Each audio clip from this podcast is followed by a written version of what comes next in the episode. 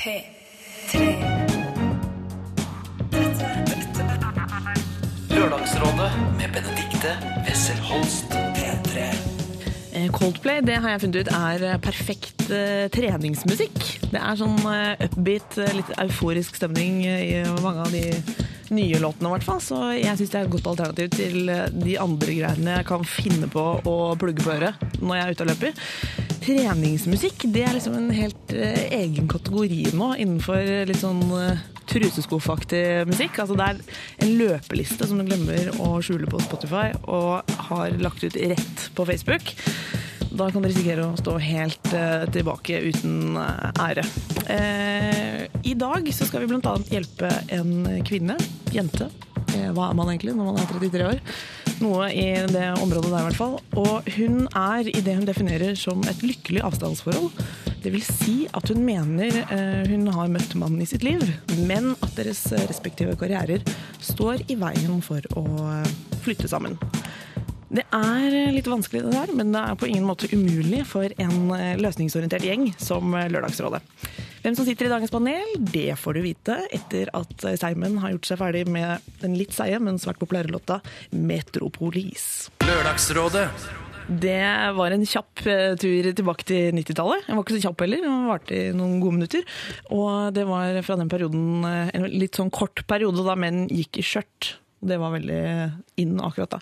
Simon og Metropolis, eller Metropolis, egentlig aldri bestemt meg helt for hva som er riktig der.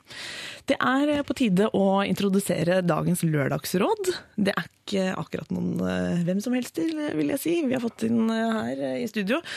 Eh, Det er voksne, ansvarlige, kompetente og, og veldig sånn eh, på ballen-folk, eh, vil jeg si. De, de, de nikker og ler litt bak her nå. det kan de bare gjøre. Jeg kan jo begynne med en av de to kvinnene vi har her. Kjent som, veldig kjent som musikkanmelder og tidligere P3-bauta, kan man kanskje si. Nå er hun programleder i Kulturhuset på P2. Velkommen, Kristin Vincent. Takk skal du ha. Det er hyggelig å ha deg her i Lørdagsrådet. Jeg har skjønt at du har Du nevnte at du liksom her, her har du tenkt å være på ballen og liksom Du kom først av alle tre. Var, satte deg ned og, og Droppa festen i går, sto grytidlig opp. Gikk eh, på mine to ben eh, opp eh, for å være klar i hodet. Det er en veldig fin innstilling, og det, det setter vi pris på. Um, jeg lurer på, når du er en så erfaren eh, kulturjournalist da, kan man vel si, eh, som deg, er det sånn at du veldig ofte blir spurt til råds eh, om f.eks. musikk? Altfor ofte. Ja. Hvilke plater burde jeg kjøpe Ja, nå? ja, ja. Og da blir det helt stille. Og så kommer jeg ikke på en eneste artist, og så blir jeg helt sånn blank i blikket og bare Vær så snill, ikke spør meg. Hvilke konserter skal jeg gå på? Ja, ikke sant? da blir det tomt. Ja. Så har plutselig ingen råd å komme med. Og det er litt sånn greit her i Lørdagsrådet, for her får du spørsmål om veldig mye annet. Så du får kjørt deg litt på, på mer sånn emo-fronten. Det skal det, bli en befrielse. Ja, det skal bli en befrielse. Så du som hører på, vær klar over at eh, her er det bare å, å gripe fatt i telefonen eller tastaturet. Send oss inn eh, problemer. Det er P3 1987 som er SMS-adressen. Eller hvis du trenger litt større plass til å skrive hva du sliter med, så er det lralfakrøll.nrk.no. Eh, skal vi se ved siden av Kristin, der sitter det en mann. Det må vi ha med oss. Eh, han er bare en mann, han gjør så godt som han kan. det, det er mer enn godt nok for oss. Eh, filmregissør Petter Næss, velkommen tilbake som lørdagsrådgiver. Takk for det. Ja. Jeg synes Det er en fin måte å starte dagen på. Jeg begynte dagen med å følge sønnen min til bussen, som skulle ta ham på korpstur til Stockholm. Oi. første tur? jeg droppet også festen i går. Nei, det er andre. Men eh, ja, sånn Ja, er det. og her er- sitter jeg og snakker ut. Så i været. hyggelig. Det er jo en, en veldig fin måte å starte enhver lørdag på, kjenner jeg. Så når ferien kommer, så er det mulig jeg liksom står opp, koker meg en kaffe, tar meg en sånn tretimers telefonsamtale med en eller annen. Fordi det å starte dagen med å gi råd og, og prate, det, er, det anbefales, altså. Eh, eh, ved siden av at vi har en tredjeperson. Jeg pleier å si at det ikke er eh, sist og ikke minst, men det er faktisk kanskje minst, for jeg tror du er den Jeg er lav, laveste. Jeg er lav! 158 cm på strømpelisten. Jeg er litt av dame på 32. Jeg starta dagen med å løpe rundt Sognsvann med de to sønnene mine. Tok en ordentlig detox. Eh, Nei, eh, jeg heter Else, ingen barn, klar for å gi råd. Men Ja. korpstur til Stockholm! Det er imponerende. Altså. Jeg hatt det på korpstur til Pittipudas, vennskapskommunen til Ullensaker. Det høres dyrt ut. Hvor mye ga du i lommepenger til sønnen din? jeg, kan, jeg får bare lov til å ha med 150 kroner. 150! 150 Helt urealistisk. Ja, det. Ja, han, eh, nei, jeg fikk bare 150 kroner i, i lommepenger, og det, det er et tett program, og det er jo mat underveis. Altså, jeg har smurt matpakke også. Ja, men så bra. Og det står ofte i skrivene at det en- eneste som er viktig, er godt humør. Det er klart en matpakken kommer til å bli sliten øh, sånn ut i neste uke, men, øh, men den er stor og god. Jeg skjønner. Det er masse god mat i gamle Ja. Det har jeg kost meg. Else, du har, vi vet eh, folk som har hørt Else før, vi har fått med seg at Else har en eh, tidligere karriere som eh, saksofonist. Den er lagt litt på hylla. Den er lagt på hylla, men det er herlig at du trekker den fram. Ja, men korpslivet var, den- en god, det var en stor del av tilværelsen. Det var en stor, litt for stor del av livet mitt i ungdomstida, og det vitner jo om at det var litt lite andre ting. Men jeg prøvde å få livskompetanse eh, nå de siste to åra. Prøvde å gå litt ut eh, og se litt hva som skjer der ute. Og skal dele av hele hjertet. Ja, det er kjempebra. Håper den luka. Eh, et lite innspill der. Nå er det jo sommerferie for mange hvert øyeblikk. Og Else, du jobber jo i det vi kaller TV-bransjen. Eh, Og der har jeg hørt at eh, dere har egentlig liksom lengre ferie enn folk ansatt i stat og kommune, f.eks. lærere. Stemmer det? Ja, det er jo fordi sesongen er så kort, da. Ja. I USA så er det tre sesonger i løpet av året. Ja, og det har jeg prøvd å få til. Eh, Men det er Øyvind Fjellheim egentlig han er den eneste nesten i norsk TV som jobber på sommeren. Ja. I sommertid sammen med Flatland. Ja. Eh, Vi andre har en god tre måneders, eh, og det er ikke noe å skryte av. Og det kan vi ikke snakke om, eller pappa syns det er så skamfullt. Ja, hva gjør man? eh, Altså, tre måneder sommerferie. Hva putter man inn i, i denne tiden? Da finner man seg selv og bare liksom skriver på et lite bokprosjekt eller Nei, det er tull. Man går på sommerfest. Man går på sommerfest. Ja, det er det man gjør. Har du som hører på noe på hjertet, noe du grunner over, stusser over, ikke vet jeg hva du gjør, men send det gjerne til oss. Det var, eh, som tidligere nevnt her, p31987 eller nrk.no er eh, mailadressen vår. Eh, Vi er jo selvfølgelig nå peppa og klare for å få inn det som måtte komme. Før den tid, her får du Ask Embla med sin versjon av We Are Young live fra popsalongen her på P3. Lørdagsrådet. Work hard, play hard, sa Wiz Khalifa der. Og la oss eh, ta med oss de visdomsordene til Mr. Khalifa eh, over i dagens eh, første problem her i Lørdagsrådet. For det skal handle om karrierebevisste kjærester i et avstandsforhold. Ja, og med meg Ja, ikke sant? Med meg i studio her så sitter eh, filmregissør Petter Næss, eh, Kristin Vincent eh, fra P2 og Else Kåss Furuseth fra TV 2 og omegn.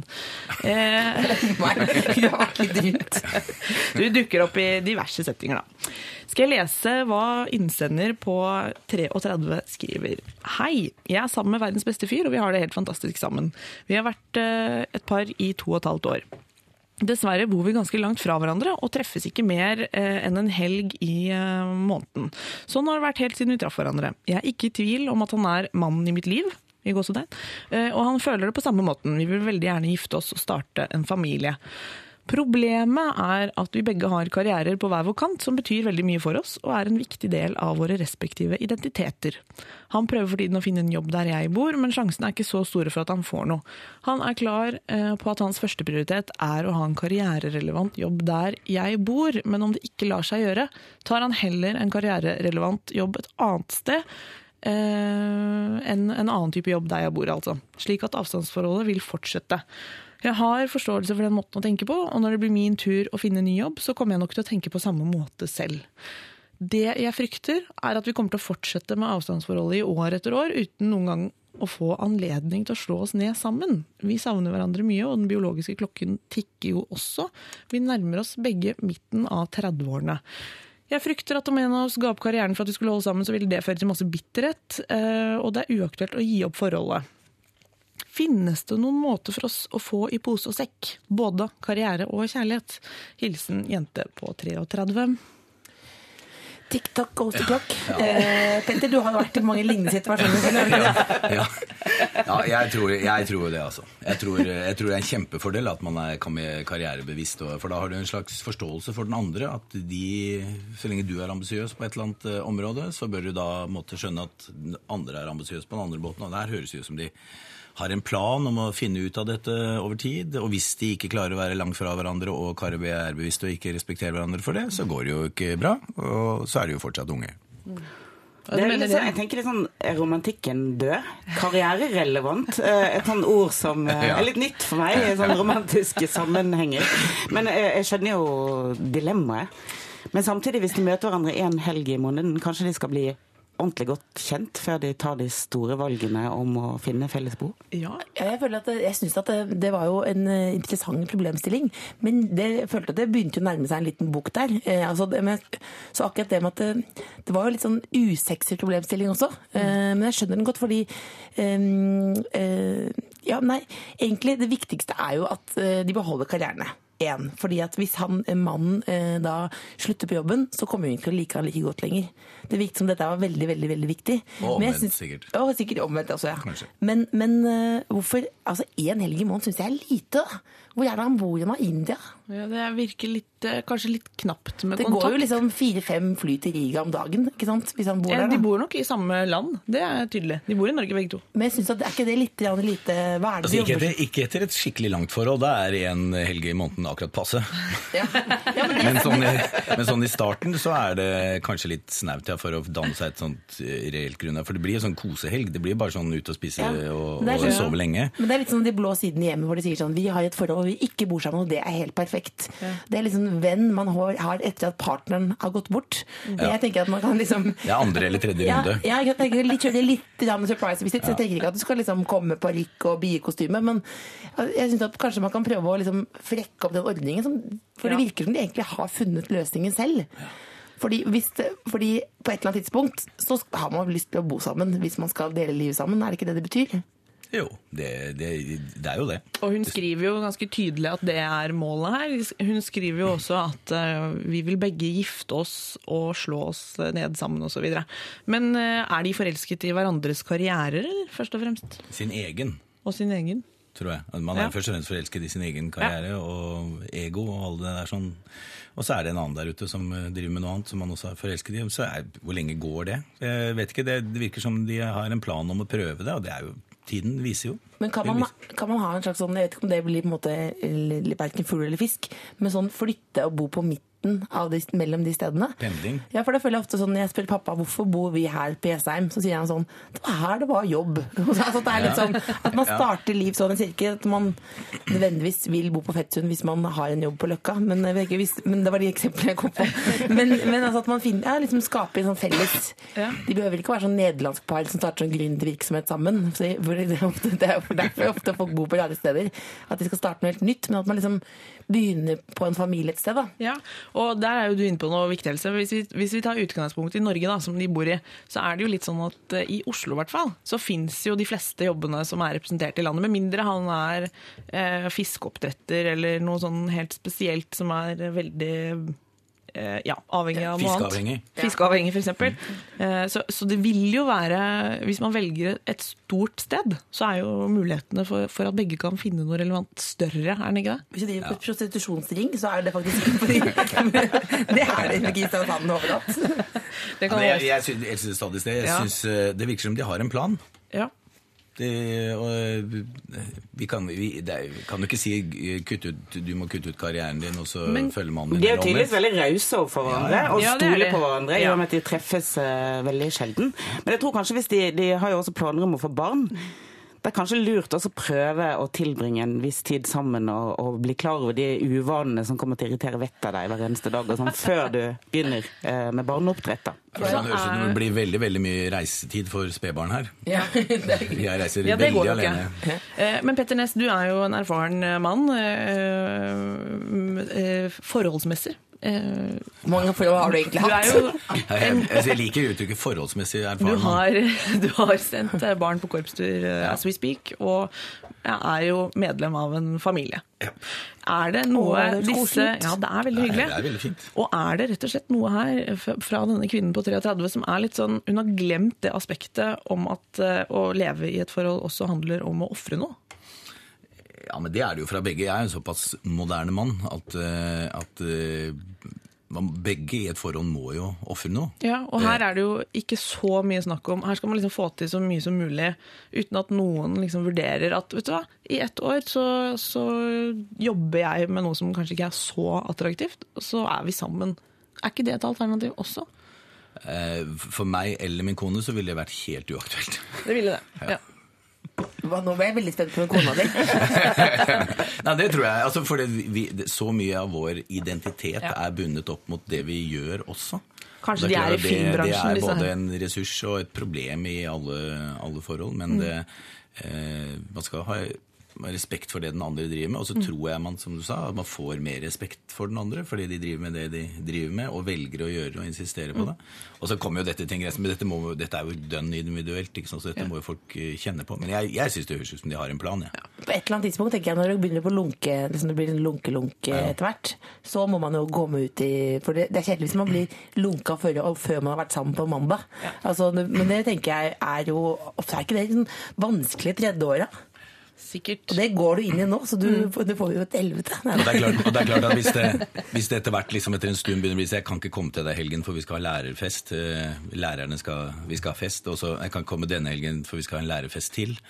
Eh, Sånn da begynner det å bli, eller Ja. gutta på kontoret eller jobben Ja. skal ut. Så da, da begynner det å bli signaler, de får man bare ta, da må man være åpen og skjønne at ok, dette, det gikk som fryktet. Ga vi noen råd nå, eller? Jeg bare, vi mente ikke å fjolle med det her, altså. Nei, dette ble mange ting eh, som ble sagt. Det var jo engasjerende tematikk. Eh, jente på 33, hun, eh, de, dere syns det høres ut som hun har en plan, og at, dere ikke skal, at hun ikke skal fravike altfor mye dette med å, å holde på karriere. Og fryse ned eggene dine. Men det, men det er en snikende undertekst at hun ikke er helt fornøyd med den planen. Ja. Ja, for det er nettopp det når, når kjærlighet blir så saklig Ja. at det blir 18-linjers mail, så er det noe der. Altså, det er ikke noe Patrick Dempsey. Og det var mer snakk om karriererelevant enn lidenskap. for Ble det nevnt? Yes. Nei, lidenskap. Er å Det ble ikke nevnt. Ja, men de elsker hverandre. Vi, det er eh, Kristin eh, mener at eh, Hva skjedde med kjærligheten? Har den tatt, har det en, er det en ny K som er blitt større enn den store K-en i kjærlighet? Det er ganske viktig, varsko. Jeg syns at Kristin Vincent måtte komme med en liten brannfakkel her. Ja, det Ja. synes jeg En. Skål, eller Skål. et. Vi skåler, vi skåler i noe svart kaffe her nå. Eh, For eh, du som sendte inn problemet, vi håper du finner ut av det. Eh, Vi syns det var en ganske tricky diskusjon. Vi vil at du skal være fornøyd med jobben din. Petter Ness mener at for han ville det vært helt uaktuelt, og til og med for hans kone, å jenke på, på hva man skal gjøre med. Nå er jo han riktignok filmregissør, så hvis han skulle stått og men gjort noe helt annet, så ville han kanskje følt veldig sterkt på det. Ikke vet jeg. Kanskje det du som sendte inn også driver med noe kreativt, hvor eh, man er veldig avhengig av å liksom være akkurat der på det og det prosjektet. Altså, vi har alle vårt, det er jo ikke det. Da får Men, du kjæreste, da. men husk at liksom K-en i kjærlighet er større enn K-en i karriere, og man må gjøre, foreta noen kompromisser hvis man skal få det til å funke. Og i hvert fall hvis dere skal ha barn.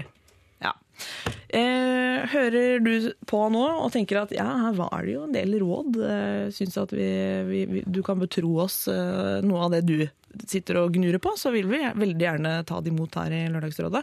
P3 1987, da sender du SMS. Eller lr eh.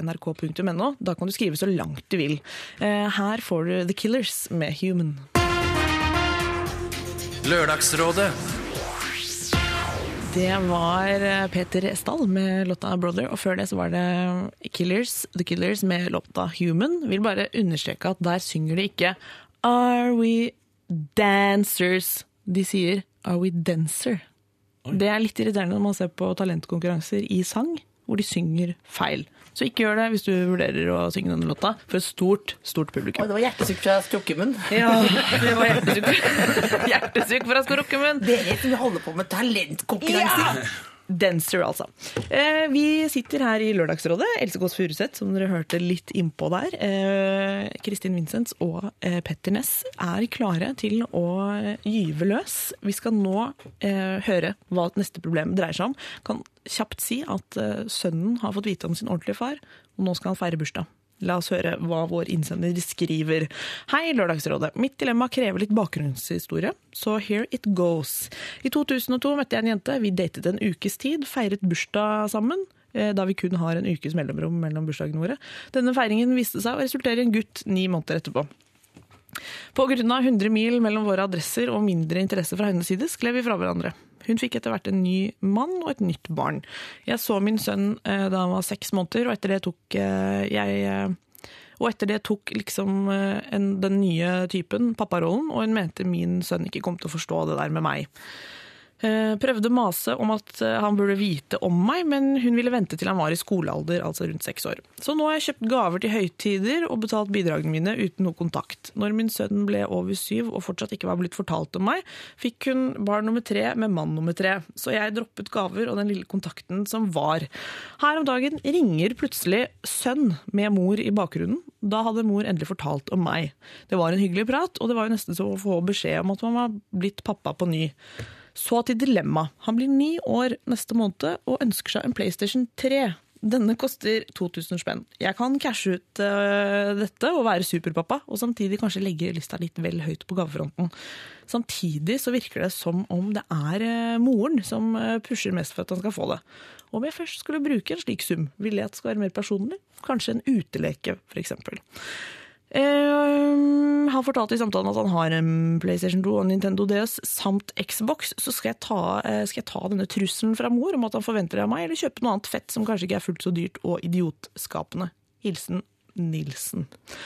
Altså Her er det jo litt mange ting eh, som ender i et dilemma om gavekjøp, men det er kanskje ikke der vi Nei, Det blir så provosert. Altså, det, her føler jeg at eh, det er jo rettsinstanser som må bringes inn. Men Kristin og Petter, dere er barn.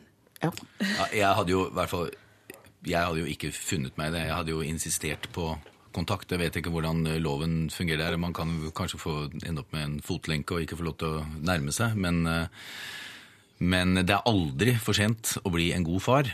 Nei. Eh, og jeg vil Du må gjerne kjøpe den eh, DS-en og det dyre greiene, men jeg ville anbefalt en telttur. Uten mor der, kanskje. Absolutt uten mor.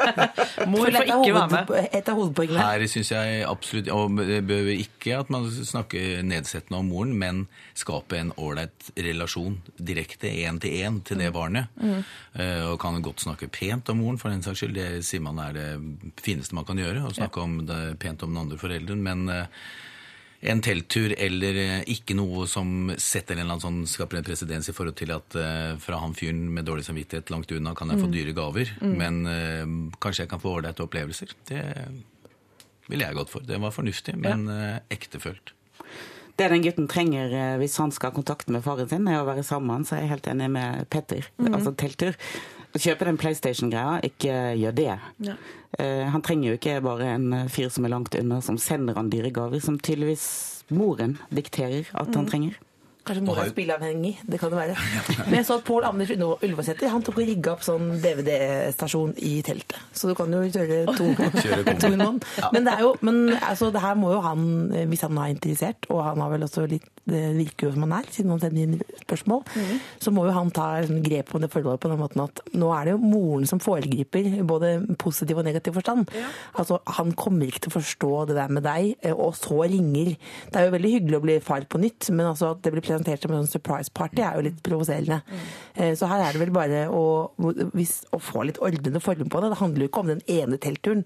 Telttur er forresten helt forferdelig. Jeg har vært på den pappa. Vi skulle bonde og hadde med golden retriever i teltet. sånn. Helt, kan, kan jo møtes på litt mer normalt. Må jo ikke være noen bootcamp, ingen grensejakter. Nei, det finnes bare ett alternativ, og det er bare- Kan ikke bare være en, bare en Langviken med noe kino og noe Peppers Pizza og sånn?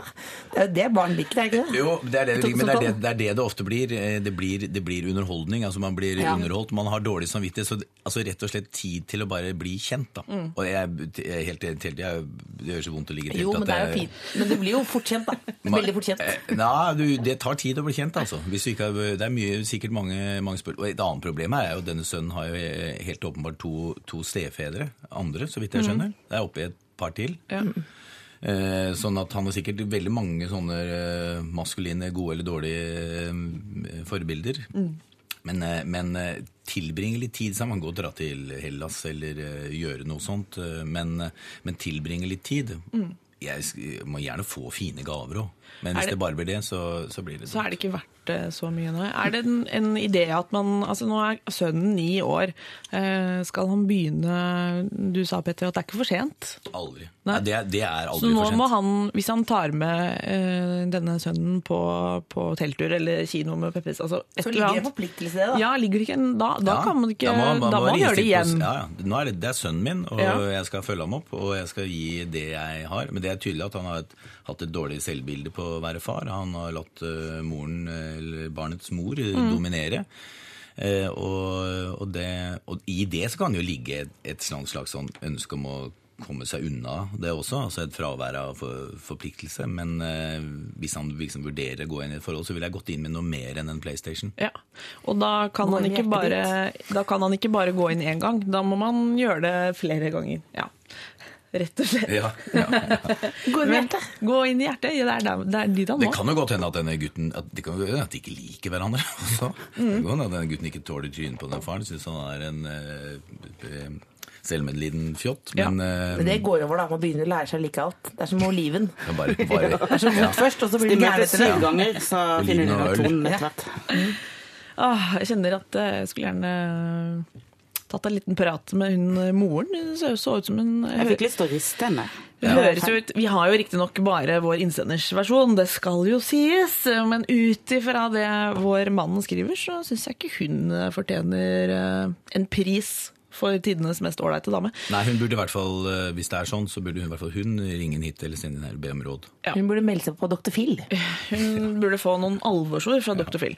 Eh, en ting som eh, kommer fra meg, er at nå var det jo de som ringte. Er det et poeng at vår mann ringer neste gang, eller at det ikke blir sånn at han skal sitte og vente på at det kommer kontakt? Godt poeng. Ja. Hvis han har lyst på kontakt med denne Ja. scenen, så må han jo begynne å jobbe litt aktivt med Ja. det. Det holder ikke å, å betale inn eh, bidrag Nei. og sende julegaver og bursdagsgaver. Og dette må eh, du eh, som kaller deg Nilsen, du må også bes- være forberedt på at det du velger nå, det forplikter. Så nå, nå er det alvor, Halvor, som vi pleier å si. Men eh, det var, et godt, eh, det var godt å få, få, få eh, røska opp i det der. Husk på at det er gode nyheter, da. Ja, jo dette er kjempegode start. nyheter. Ja, det er jo det. Ja. Her ligger alle muligheter åpne. Ja, ja, ja. Lørdagsrådet er ganske enstemmig på at den eh, PlayStation 3, den skal du bare drite i.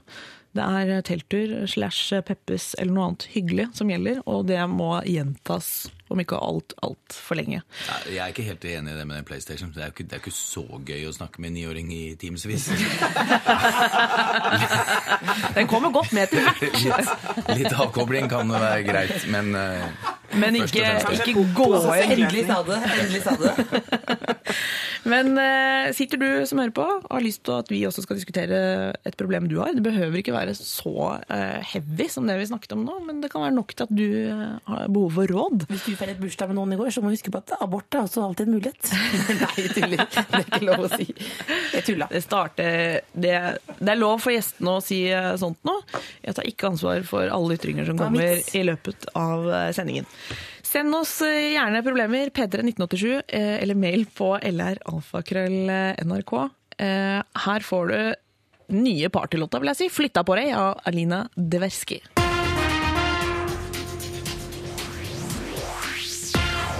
Det var Kurt Nilsen det, med 'Never Easy'. Det jo, passer jo sånn tematisk da vi sitter og diskuterer både det ene og det andre her i Lørdagsrådet. Vi har eh, Kristin Vincent, Petter Ness og Else Kåss Furuseth eh, rundt bordet her i studio. Alle har høreklokkene på og drikker kaffe og småspiser litt. Eh, Artig at de gjør det, for neste problem handler om kompisen smatter. Hei, bare en liten fillesak egentlig, men jeg har en kompis som smatter noe helt vilt når han spiser. Kan jeg si fra til han? Han er en god kamerat, og vi snakker om alt.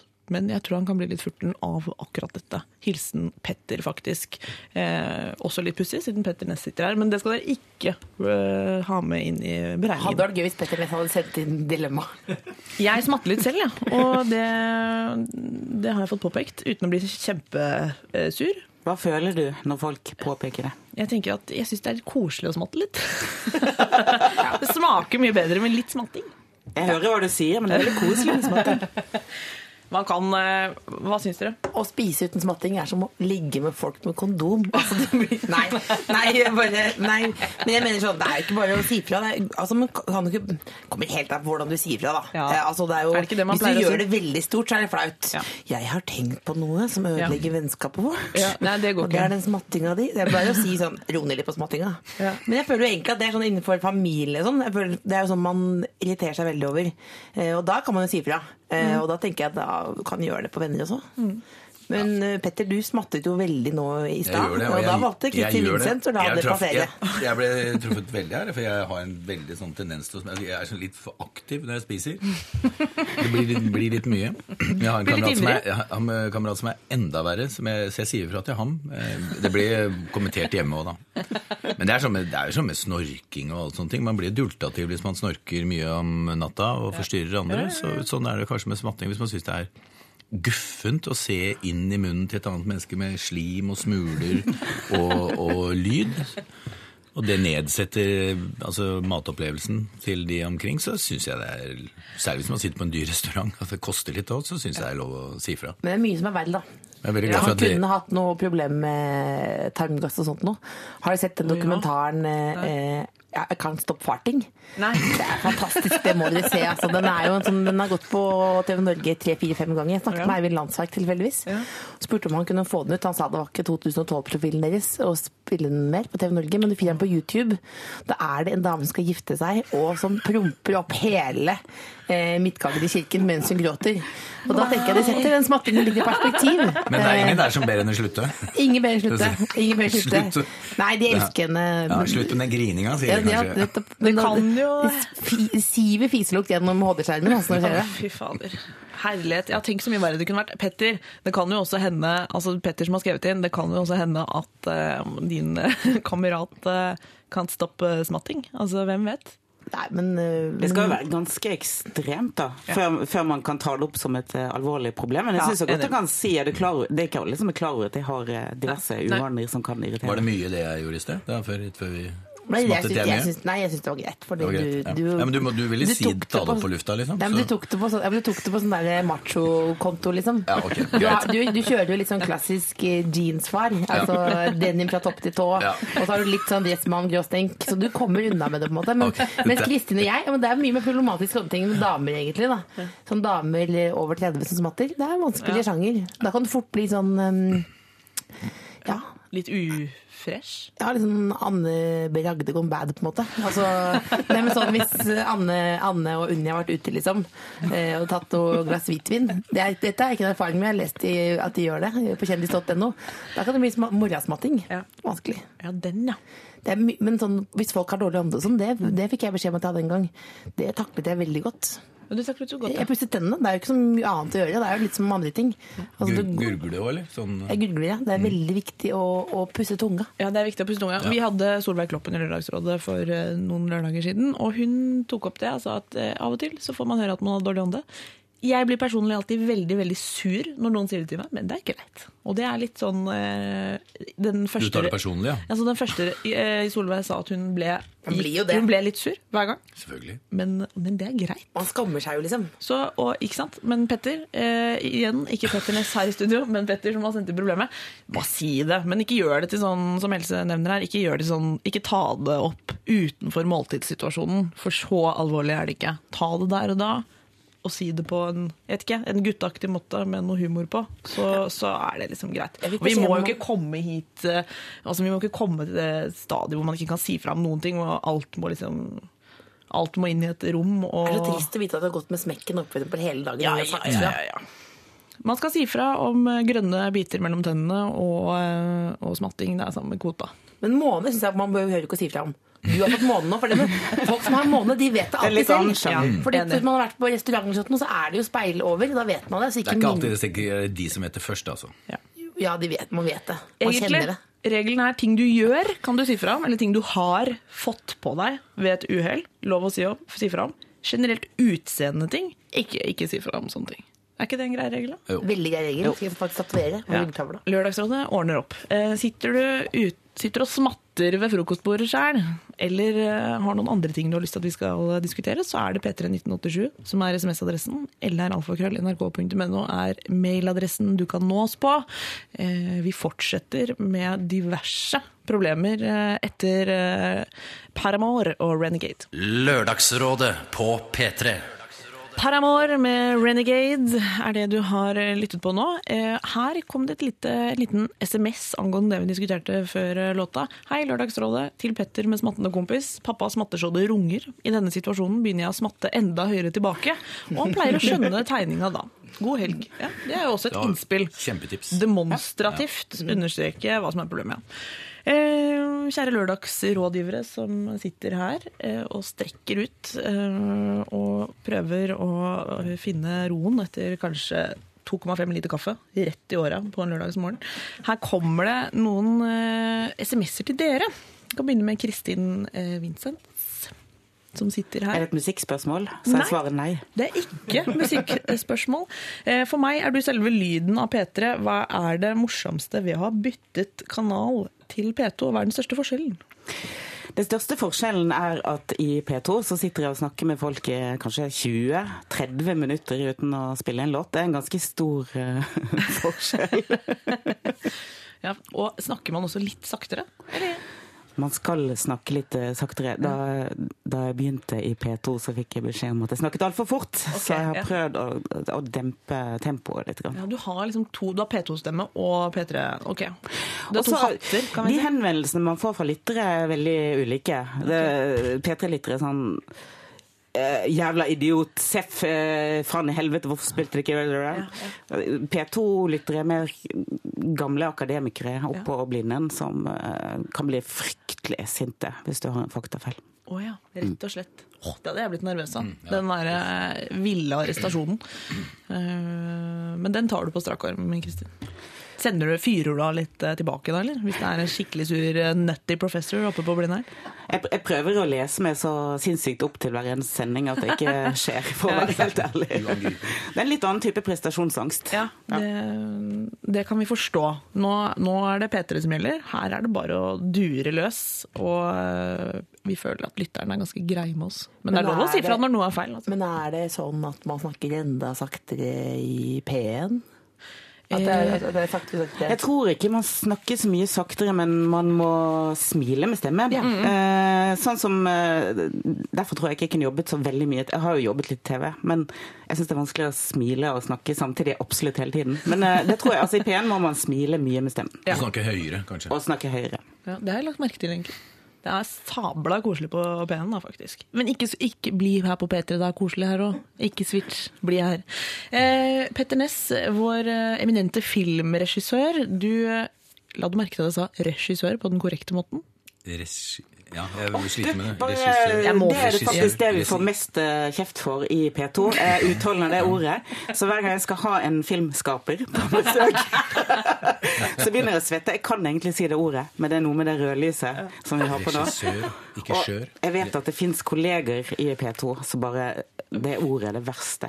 Fordi man, det er et eller annet som skjer med hjernen. Man sier det feil. Man sier, veldig mange sier regissør, og det Ja. sier jo ikke at, eh, man sier jo ikke at eh, så god resi du hadde på, på eh, Into the White, f.eks.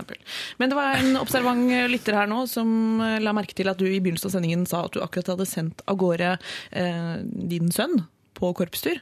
Han lurer på hva er det verste med å ha barn i korps? Er det så slitsomt som jeg har inntrykk av?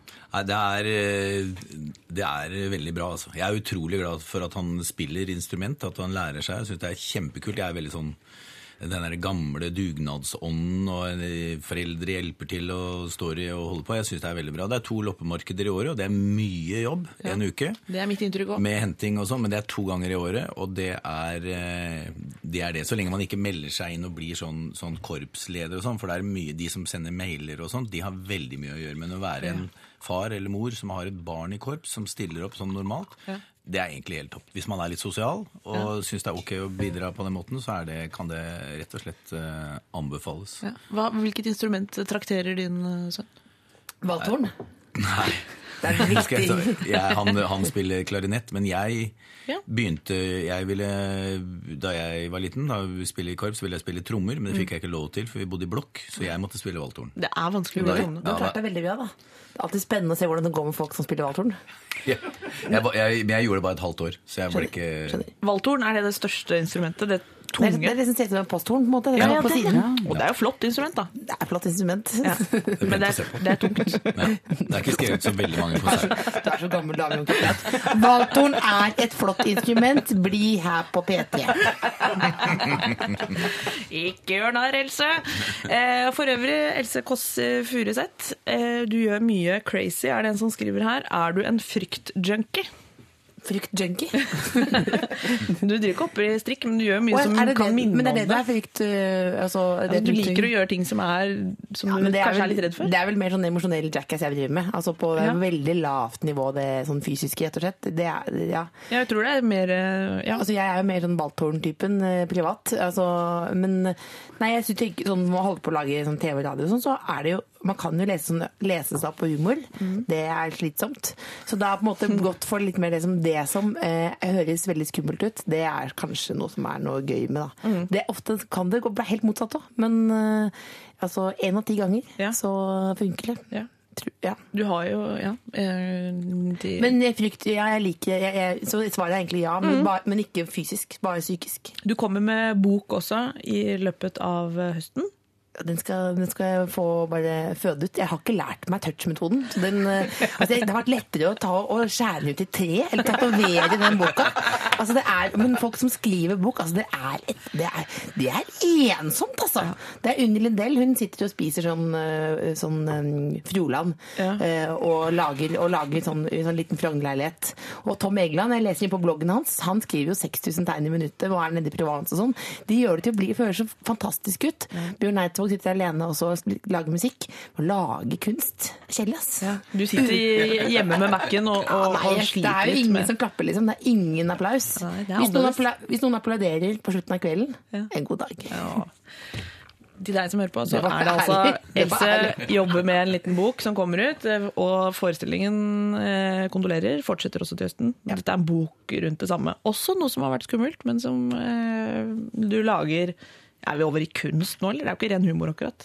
Nei, det, det, det er kunst. Det er ikke, det er ikke ingen, skal lage, ingen skal lage musemakt til sånt nå. Det er, jo, Humor er jo kunst. Humor er jo kunst, faktisk. Kjempevanskelig. Ja, ja, det er vanskelig for folk Hva er det vi egentlig ler av? Det er vanskelig.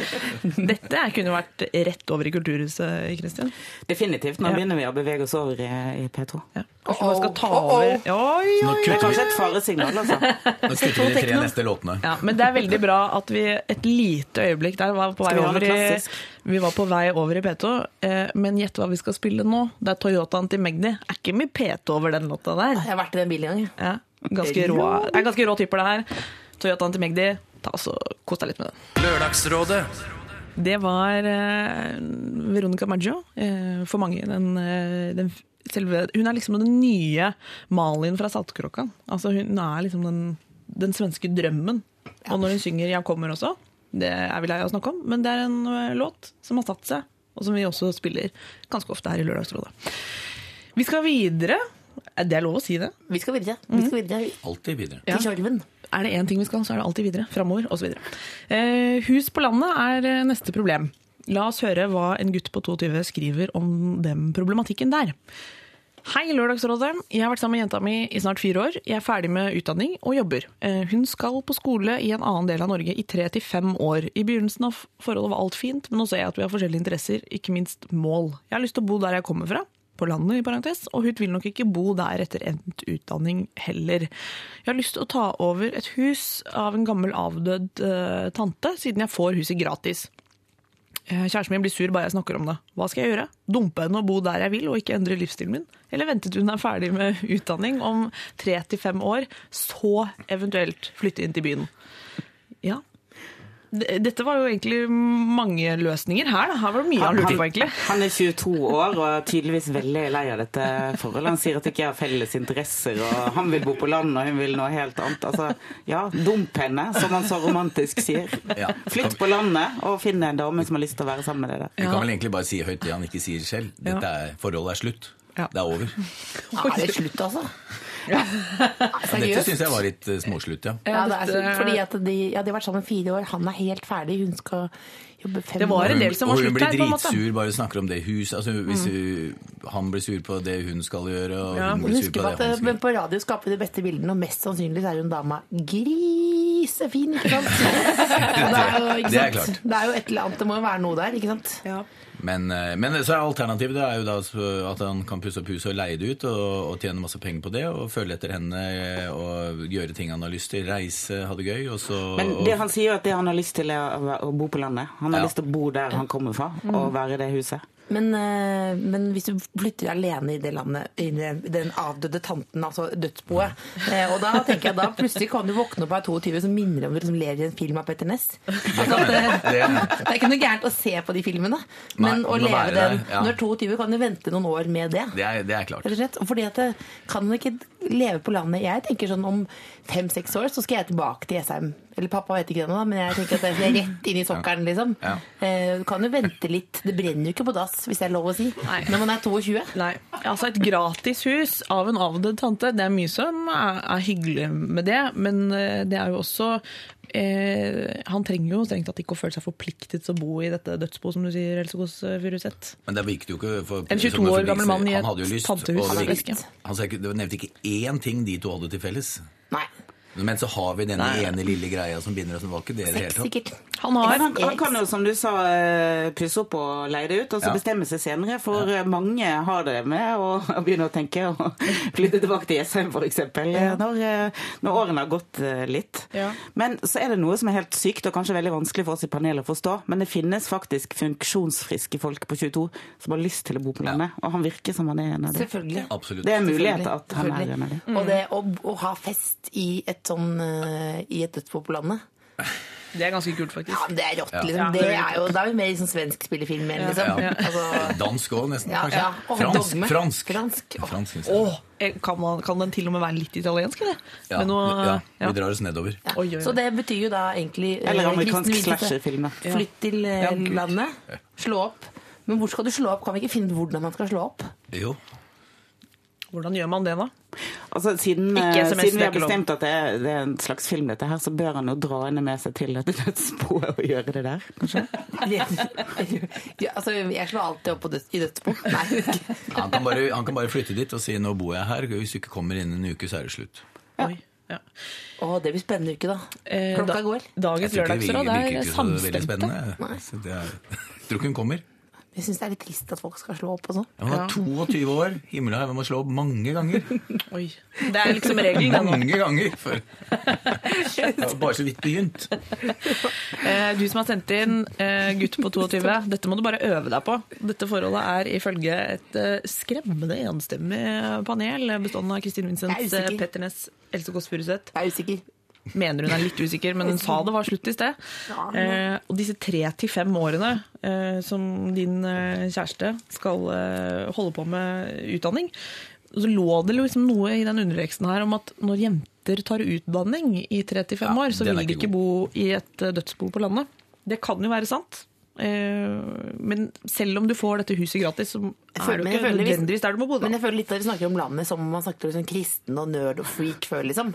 Nei, nei, Landet nei. er ikke sånn at det er sånn land, Landet er ikke som å liksom flytte til Mars, da. Nei. Selvfølgelig ikke. Ullensaker er landets raskest voksende kommune, faktisk. Hvis det fortsetter sånn som de gjør på Men Jessheim nå er det er jo ikke landet lenger. i 20, Da er det- da ja, er men I jo en by. 2040 da, så er det Norges femte største by. I, og ikke, ikke landet lenger. Så før han vet ordet av det, så bor han i en by. Så det er dystre utsikter for han som vil bo på landet. Det er egentlig eh, det viktigste poenget her. Oi, oi, oi. Ja, det, man kan ikke tufte et forhold på at man skal bo akkurat i et bestemt hus. Det er jo uansett eh, ikke noe god strategi, kjære innsender. Eh, og hvis du er helt bestemt på at det er der du skal bo, i dette huset, som han selv definerer er på landet, så da antar vi at det er litt eh, utenfor allfarvei, da kan vi vel kunne si. Eh, så får du gjøre det, da. Men da blir du ikke med, med kjæresten din. Husk, hus er ikke folk. Hus er ikke folk, og generell basis så skal man ikke dumpe partnere pga. Uh, bolig. Er vi Hvis ikke enige det er om det? Fritzer i kjelleren, da føler jeg lov til å løpe. Det må være greit. Sitter du som, og hører på, og syns at vi er inne på, på momenter som du kanskje kunne hatt bruk for selv, send det problemet du har eh, til P31987 eller lralfakrøll.nrk.no. Her får du Deadmouse og Chris James og The Welt. Lørdagsrådet. Det var eh, Phoenix, Everything Is Everything, og før det så var det The Welt og Deadmouse og Chris James. Eh, Jeg sitter her i dagens lørdagsråd med Else Kåss Furuseth, Kristin Vincents og eh, Petter Ness. Flotte navn. Litt utfordrende å uttale sånn på løpende bånd, men eh, det syns jeg vi fikk det greit nå. Nå sitter dere helt sånn stille og, bare titter. Er, Nå følte jeg det var så spennende, lytter, spennende at vi skulle snakke om navn. Den følte Ja. det var fantastisk. Eh, send oss gjerne problemer. Jeg kan like gjerne si det i begynnelsen eh, før vi går løs på neste problem. Du må gjerne sende inn til oss. Det er p31987 eller lralfakrøll.nrk.no. Vi leser det som kommer inn. Vi bruker det gjerne i sendingen.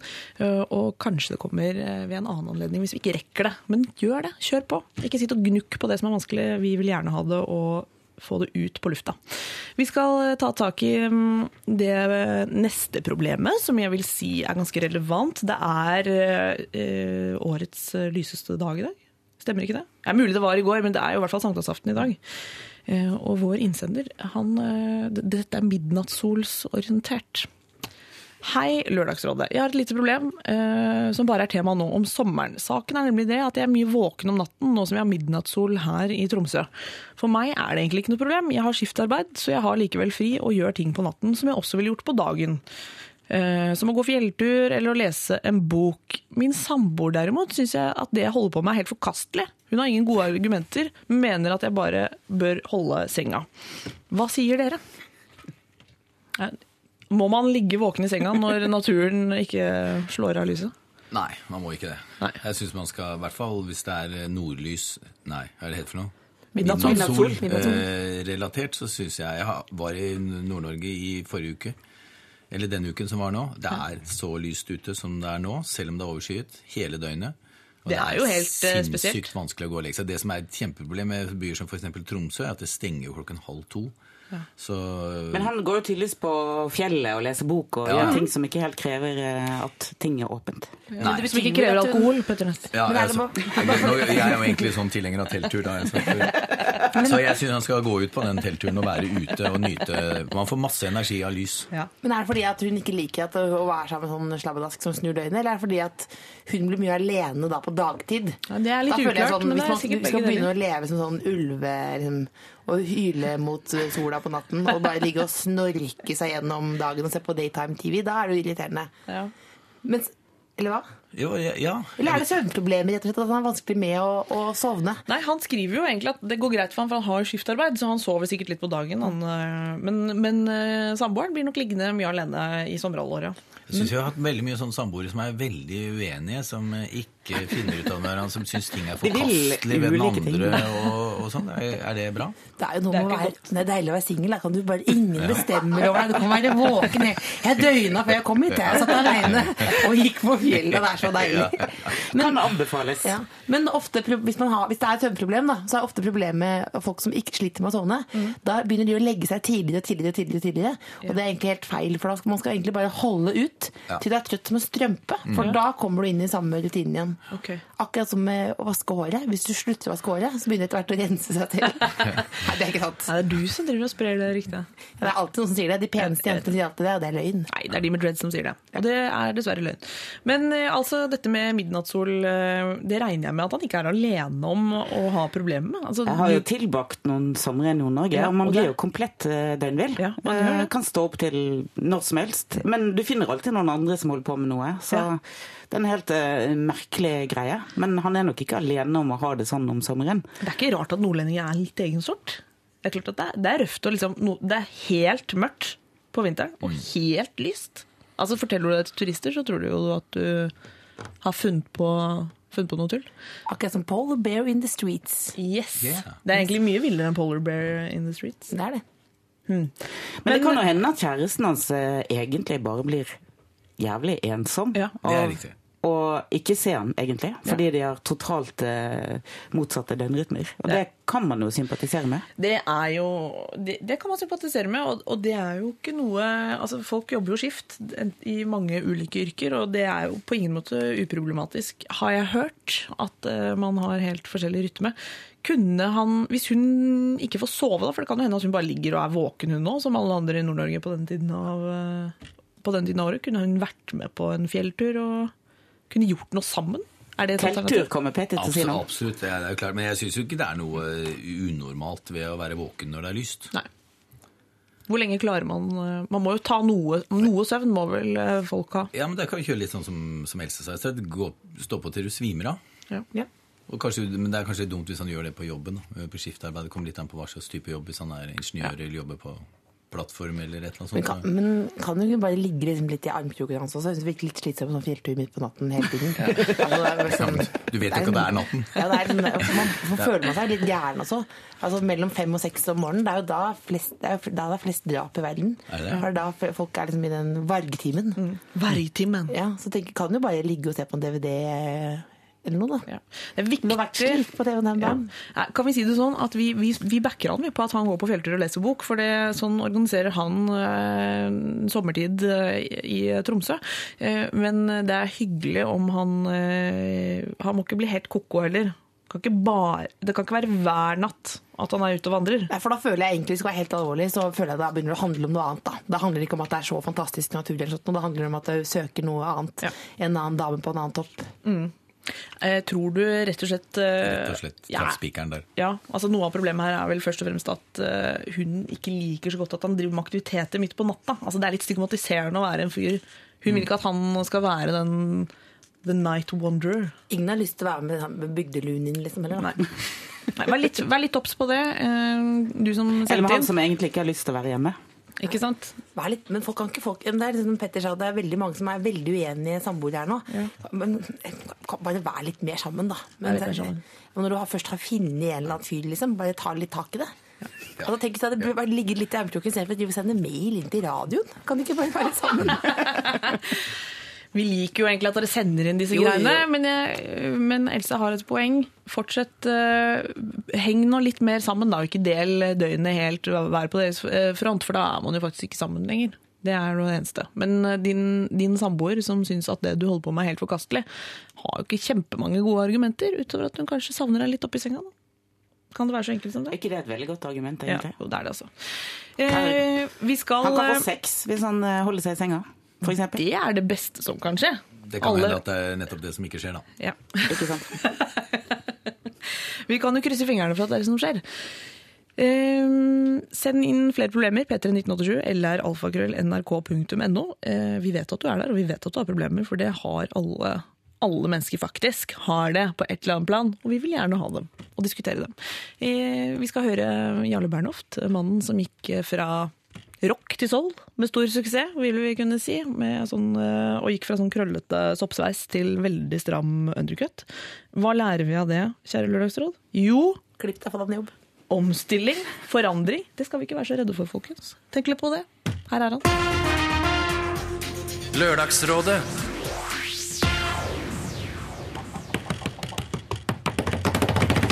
Det var eh, Jarle Bernhoft, det, med Come on Talk. Eh, Du lytter til eh, Lørdagsrådet. Her er det full fres. Else Kåss Furuseth, Kristin Vincents og Petter Ness sitter her som tente lys og med spissede ører som er skjult bak store øreklokker. Men de er observante og med. Vi har fått inn et nytt problem, Shit. folkens. Ja, Er dere klare? Er dere peppa? Jeg Veldig, veldig, Kom igjen, da. kom igjen. Kjør. Kom igjen. Her Jeg ser, for jeg leser jo problemet kjapt før jeg uttaler det overfor dere. Jeg har allerede mange meninger om dette. Jeg er en jente på 24 år, 24 år. Neste år er jeg ferdig utdannet lærer. Er jeg for gammel for kolon? Musebilletter. Ganske lange. Danseutesteder der klientellet er ca. 18 år. Popmusikk à la Carpe Diem osv. Litt bæsjtidsprompehumor. Hettejakker i flashy farger. Please hjelp, jeg er en eksistensiell Ekstensiell Ekstensiell krise. Så dette, jeg lurer på om hun skal slutte med alt det der, Hilsen Maria på 24. rett og slett. Ja. aller først eh, musefletter. Lange fletter. Det, akkurat det er litt sånn, det kan jo funke. Det er jo 'Baby Hit Me One More Time'. Og det funket jo bra på Britney Spears. Mm. men det er blitt veldig tidlig Britney Spears, så da skal det være rimelig heit for å liksom pulle off den. Så den vil jeg kanskje droppe av. Eh, men jeg tror Det er det minst autoritære du kan gjøre med håret ditt da, som Ja, kvinne. ja. er musefletter. Ja, og så er det litt sånn du, Er det pornofilm, eller er det Smiths venner? Det er midt imellom. Vanskelig å vite. Kjempevanskelig. Setter i gang masse rare assosiasjoner. Men, så er det, men jeg tenker det aller viktigste som sånn 24 år gammel eh, kul ny lærer, eh, så er det jo eh, er det viktigste er å ikke bli venner med de elevene på Facebook. Ja. Det, det er det viktigste, er det ikke det? For da kan du liksom leve ditt sjuke sosiale medieliv uten at de vet om det. Ja, det der er litt eh, tricky. Ja, for jeg kjenner noen lærere de lager nye profiler hele tiden, fordi de har addet, og så er det, det er mye jobbing. Liksom, med det, der, eh, det tror jeg er veldig veldig, veldig viktig, for da kan du fort eh, havne i klemma og vite om ting du ikke skal vite om. og sånn. Hva Det er jo rett og slett sånn at veldig mange elever er forelsket i lærerinnen sin. ja. Og hvis hun Eh, da og, og det kan jo bli feil. ja.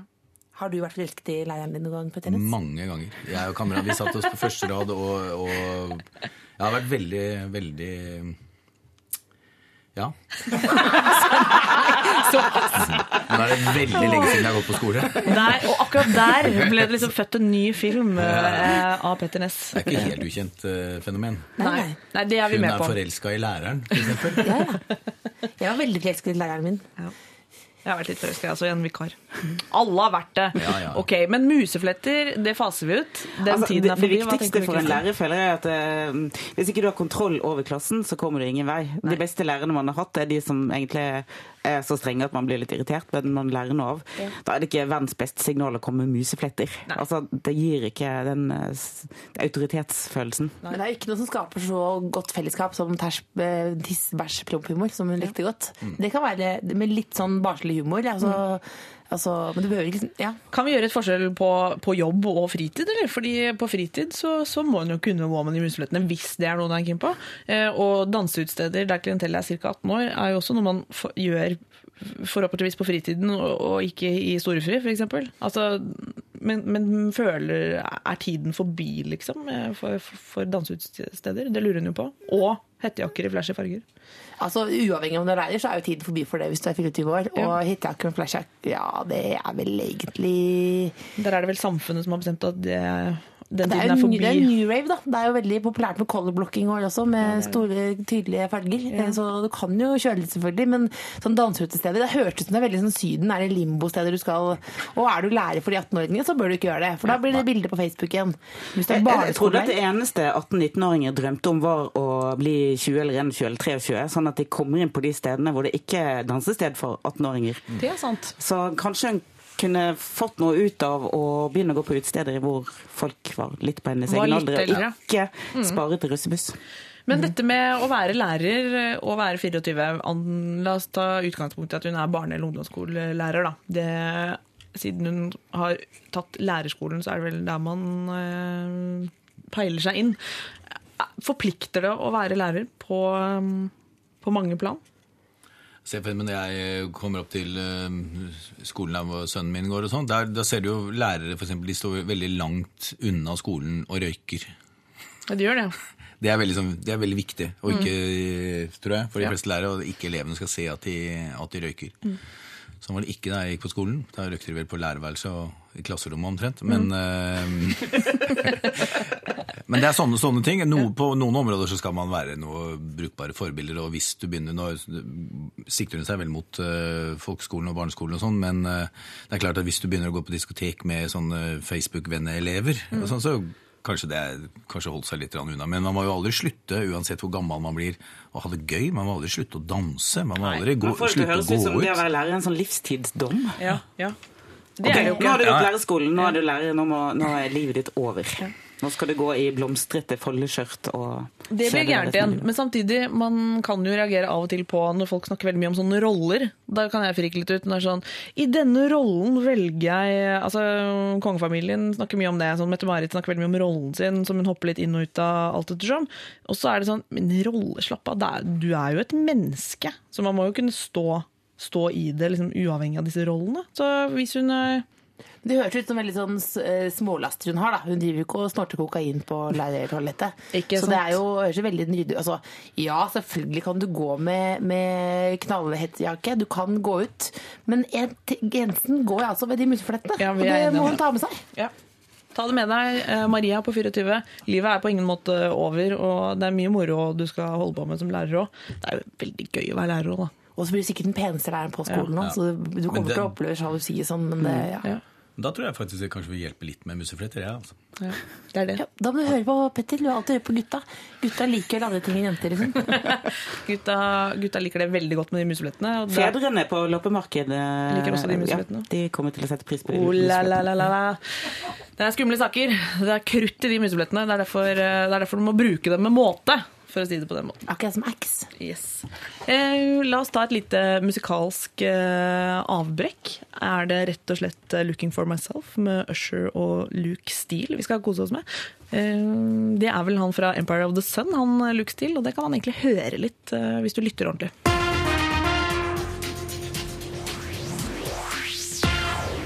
Det var eh, Usher, faktisk. Litt eh, atypisk, heter det vel, uh, for hva han vanligvis trøkker ut. Men han har med seg Luke Steele, og det er han fra Empire of the Sun. Og det kan man, uh, syns jeg, ganske tydelig høre, at den, der har han vært med på laget. Hva, det, hva sier dere? Det er herlig at han har fått av den der Usher-snerken. Han var jo nede i en dvale. Ja. Eh, og han har jo alt potensialet. Det var jo han som var en av de som Var ikke han med og oppdaget eh, Justin Bieber, blant annet? Eh, Det- han er sammen med en norsk Han er norsk ja, en modellkjæreste med norske aner. Så han har jo liksom potensial til å være liksom verdens feteste fyr. Så det er fint at han lager noe for å spille litt for gulvet. Ja. Folk er lei av å grine til låten hans. ja. Enig. Det var det Kristin Vincent sa til meg. da. Kristin Vincent er Men jeg syns du leste opp eh, manuset mitt veldig godt. her. Ja, så bra, så bra. Godt innspill. Eh, Du lytter altså til Lørdagsrådet her på P3. Og det er Else Kåss Furuseth, Kristin Vincents og Petter Ness som sitter her og, og griper fatt i det folk har eh, av problemer, og diskuterer og kommer med løsninger. For det, er, det gjør vi alltid her. Det er løsninger på alt.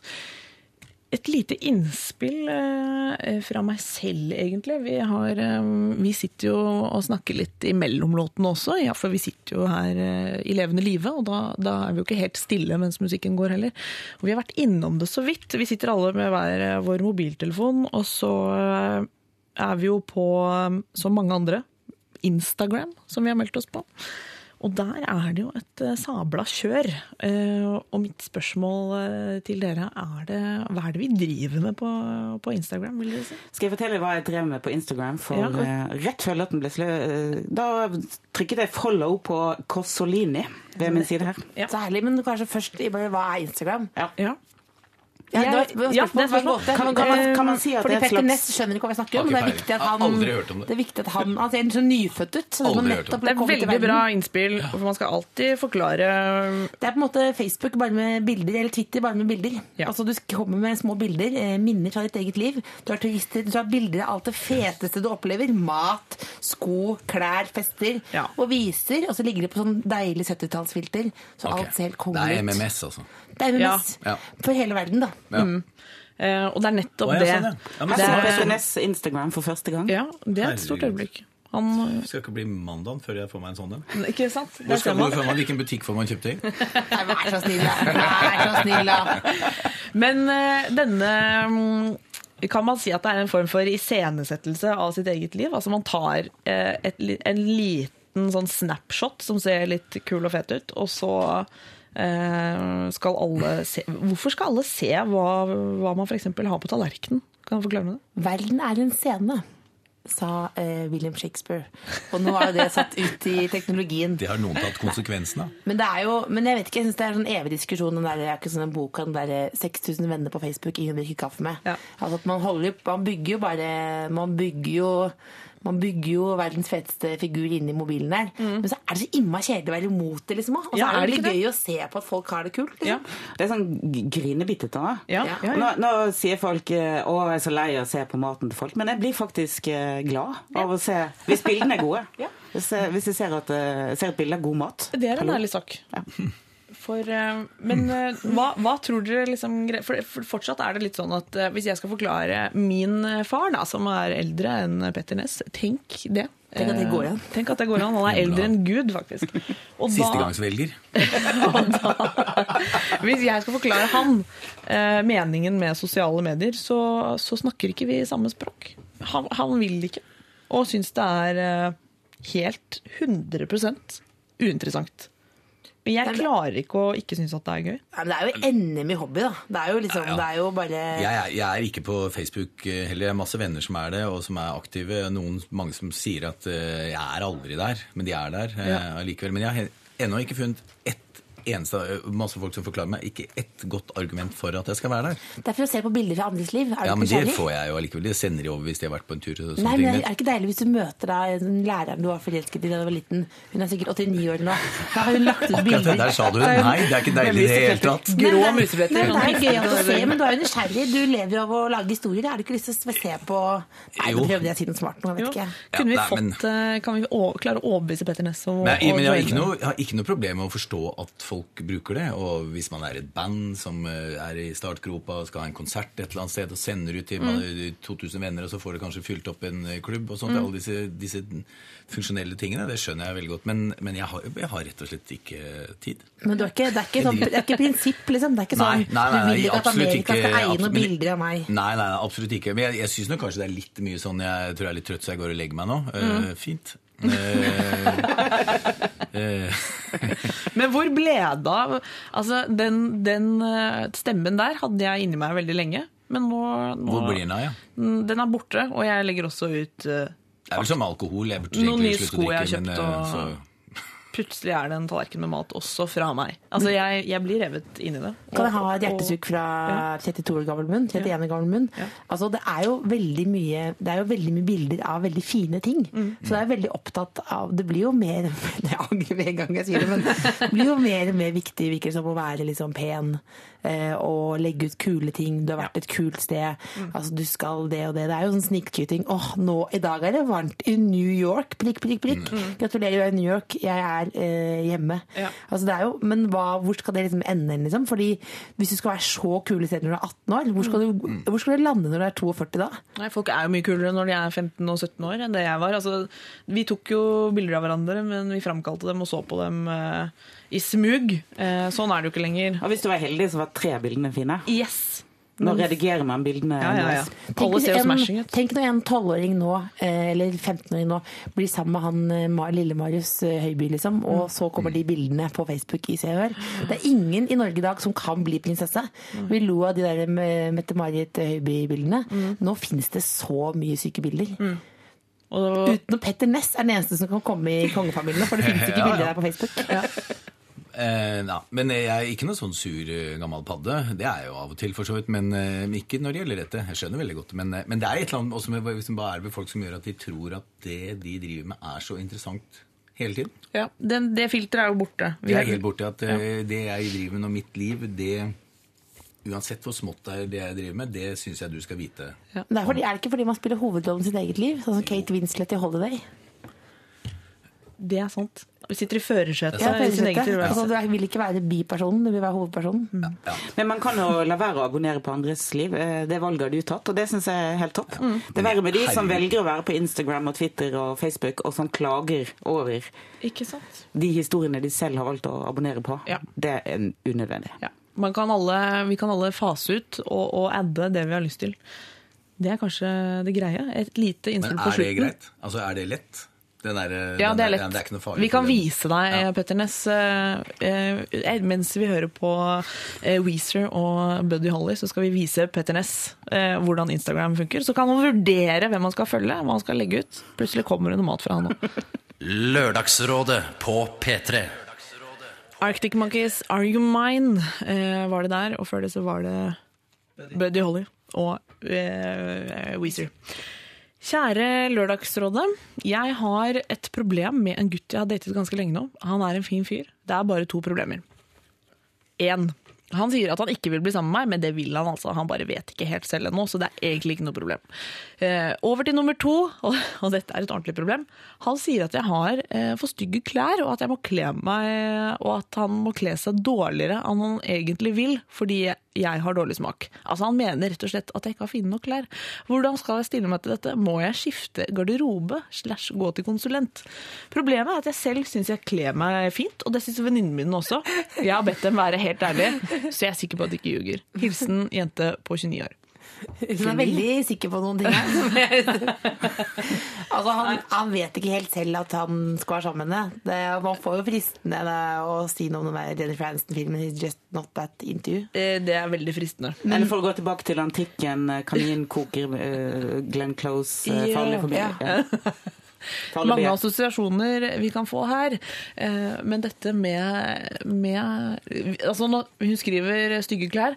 Det står også 'sjuskete' i parentes. Så det kan godt være ja, liksom litt sånn Litt sånn hullete og sånn. Ja, litt uh, Ikke så preppy, kan vi kanskje si. Det er ikke litt gøy å høre en eh, mannemening om dette her, Petter. Hvordan viktig er det for deg det med Er det sånn at det indre betyr mest, eller er det Hvor opptatt er du? Hvor opptatt er du det? Jeg synes- Ja, nei, jeg, jeg har eh, oppfordret til eh, mange brudd her allerede i dag, og jeg syns det ligger an til en ny oppfordring. At eh, Topp type ja. på mange måter. Nå kan det godt hende at hun eh, Og han stiller helt eh, fornuftige og moderate krav, syns jeg. Eh, Og det at han er villig til å kle seg om litt for å se like forjævlig forsoffen ut som henne, det syns jeg det vitner om eh, stamina, og det er en mann å satse på. Du tenker at det, at det er ja? Ja. Ja, det er ja. Han, er- du ser ut som et helvete, og jeg er villig til å se helt lik ut. Og det, det, det syns jeg vitner om at ja. Du, sånn, sånn fyr finner du bare én gang i livet. Eh, Får vi da inderlig håpe. Så hun skal ikke gjøre noe med, hun skal ikke gjøre noe med sin stil? Nei, hun holder stilen. Kom, altså, vi var jo snakket litt om smatting og den type Ja. ting her. Så det er klart at hvis det er, hvis det er sikkel og gammel smatt nedover Mm. klærne hennes, og, og, og sånn, hvis det ser for jævlig Men nå bedyrer jo hun at vennene vennene hennes syns hun ser tipp topp ut. Nå vet, aner ikke om dette er noe sånn Men, når, man sier, når man sier sånn, det er kontakten sånn Vennene mine syns jeg er en pen, hyggelig dame. Så føler, det føler jeg ikke Er det helt det, sant. Ja. Men kan vi si, la oss eh, gå litt uh, ut ifra at de har veldig ulik smak, da, ulik klesstil, det er jo ganske tydelig. Og kan det um, Det er ikke så uvanlig at veldig mange kvinner først og fremst, uh, går inn i forhold hvor de tenker sånn Noen justeringer på klesfronten, det skal vi få til. Eh, Ofte skofronten. ikke sant. Ofte skofronten. Eh, det kan være også noe å gjøre på jeansfronten. Eh, og det er ting man får liksom skvist eh, inn ofte. Er det så fryktelig dårlig? Nei, altså jeg husker fra veldig mange tiår tilbake, så, så da hadde jeg en kjæreste som eh, en eller annen gang slo opp fordi hun traff en annen fyr, og så traff jeg da henne igjen en liten student på, så var hun helt annerledes. Og det var helt selvfølgelig. Altså helt andre klær, helt andre meninger, bare blitt med helt på den Ja. pakka. Var liksom, det var bare en fremmed, og det hadde du drevet med før, det, var, det eksisterte ikke lenger. Så det kan hende at det ligger et eller annet sånt en, en intens vilje til å justere seg. Men jeg, nå vet jo ikke vi hva hun sier til ham. Om han kanskje syns at han er en jævla snobb, og du kler deg sossete, og det er altfor mye merker og, og krokodiller og sånn på klærne dine. Det kan godt hende. Men hvis det er sånn enveis for han, så syns jeg jo Ja, nei det, det ligger, ligger an til et, eh, et kortvarig forhold. Ja. Og dessuten helt ulik stil. Bare sånn, kan det også handle om noen La oss si Ja, altså nå sitter vi jo i NRK. Eh, her er det jo en annen kleskodeks enn f.eks. i Telenor. Det er det ikke noe tvil om. Du kan ikke gå i akkurat det samme eh, i, et, eh, i- hvilken som helst annen bedrift. Kan det også Og, det, er vel, det er vi jo vant med. Altså den, man kler seg litt etter miljø. Men helt ulik klesstil kan det faktisk handle om noe mer enn bare ulik smak. Kan det være større forskjeller enn man Ja, det høres jo sånn hvis han enn en, Kan dette handle om noe annet enn klær? er vel egentlig det jeg lurer på. handler om makt. Dette her. Handler om makt. Handler om makt. Men, men, eh, men det kan jo også være en gutte-jente-ting. Det er jo veldig sånn at fordi Jeg syns jo først at hun er veldig kul som skriver inn det, for det er så veldig sånn konkret. Eh, Men eh, det er jo ofte sånn at jenter syns at, det, at jenter har ofte fine klær, og så liker ikke guttene det.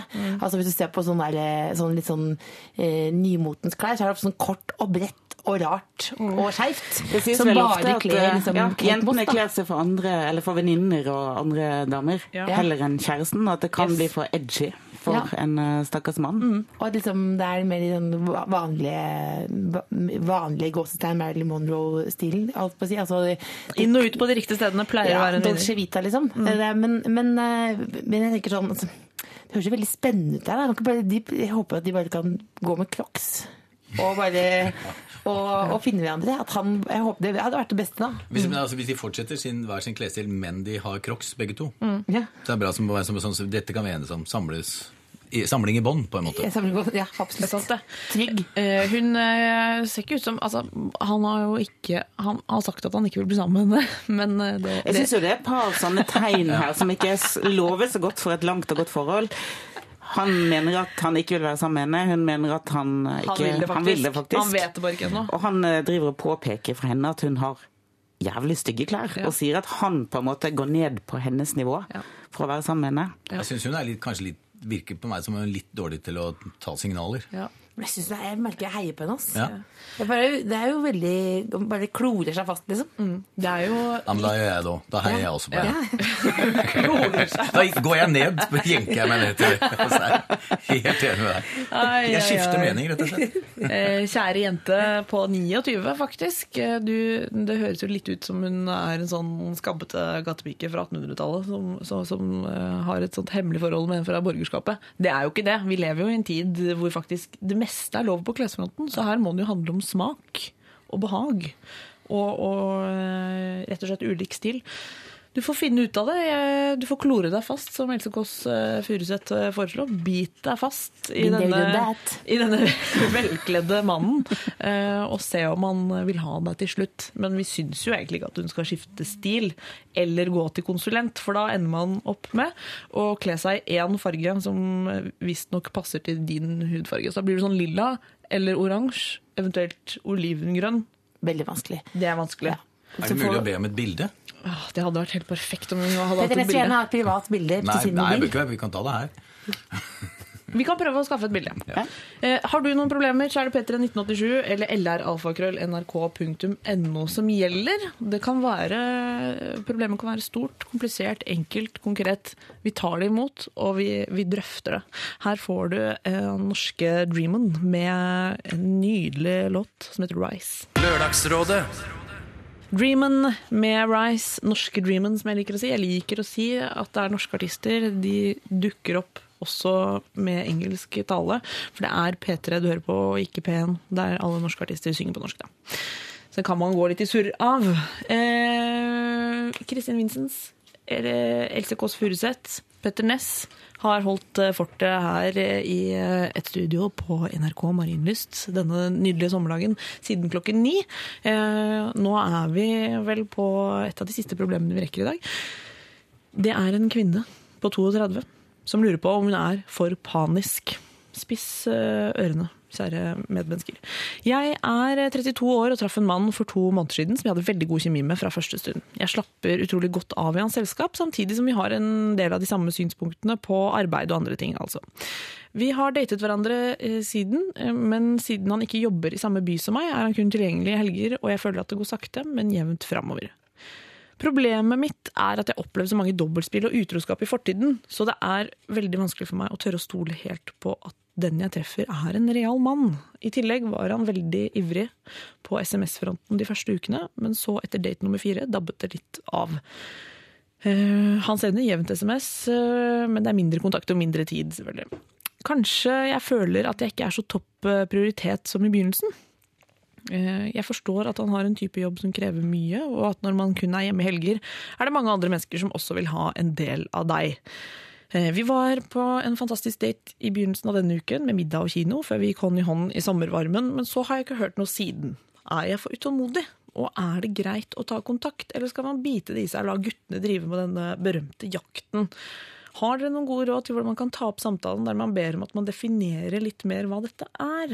Ehm, og med dette mener jeg at man vil date hverandre og se hva dette blir, og ikke date andre i mellomtiden. Altså, hva er det vi kaller dette? Nå det Fastfølge. som- Fast følge. Fast følge, ikke sant. Er det, og er vi Hva heter det for noe?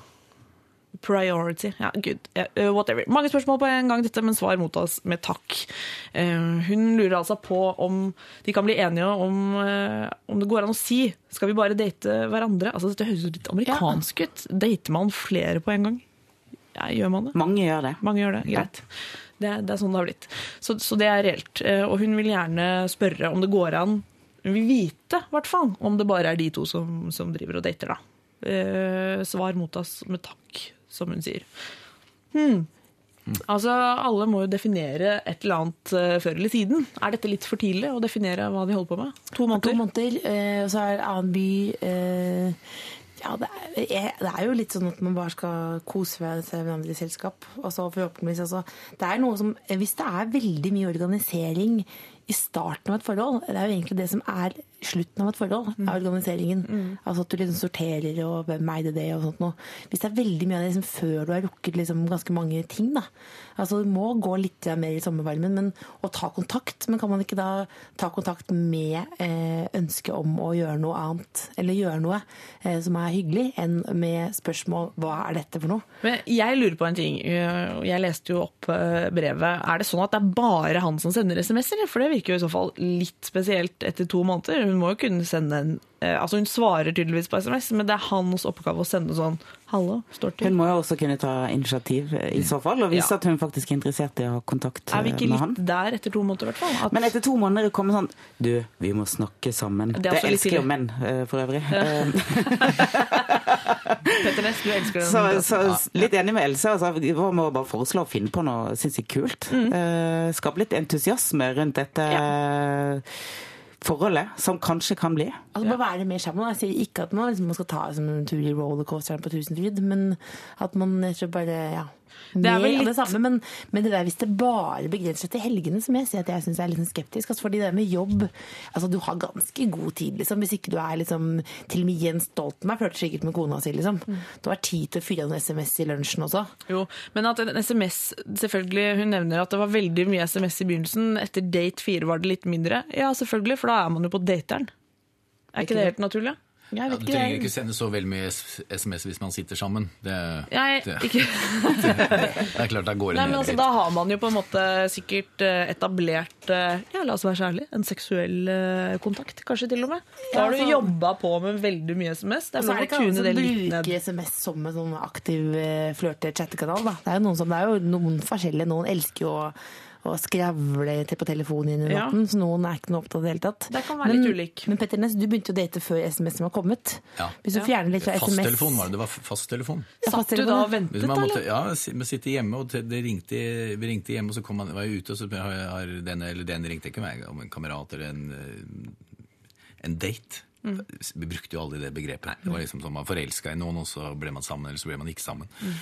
Men eh, det- altså det var jo klart at det var helt andre forhold. Det skjedde jo på skolen og i andre sosiale settinger. Men eh, jeg, jeg, vet, jeg vet ikke, jeg er litt sånn usikker på hva greia her er. Men eh, hvis hun sitter og venter på at han skal sende SMS, Ja. og liksom telle antall SMS, det har gått ned for en måned, så, så jeg tror egentlig man må bare by på seg selv og si komme med forslag, eh, være litt på hugget.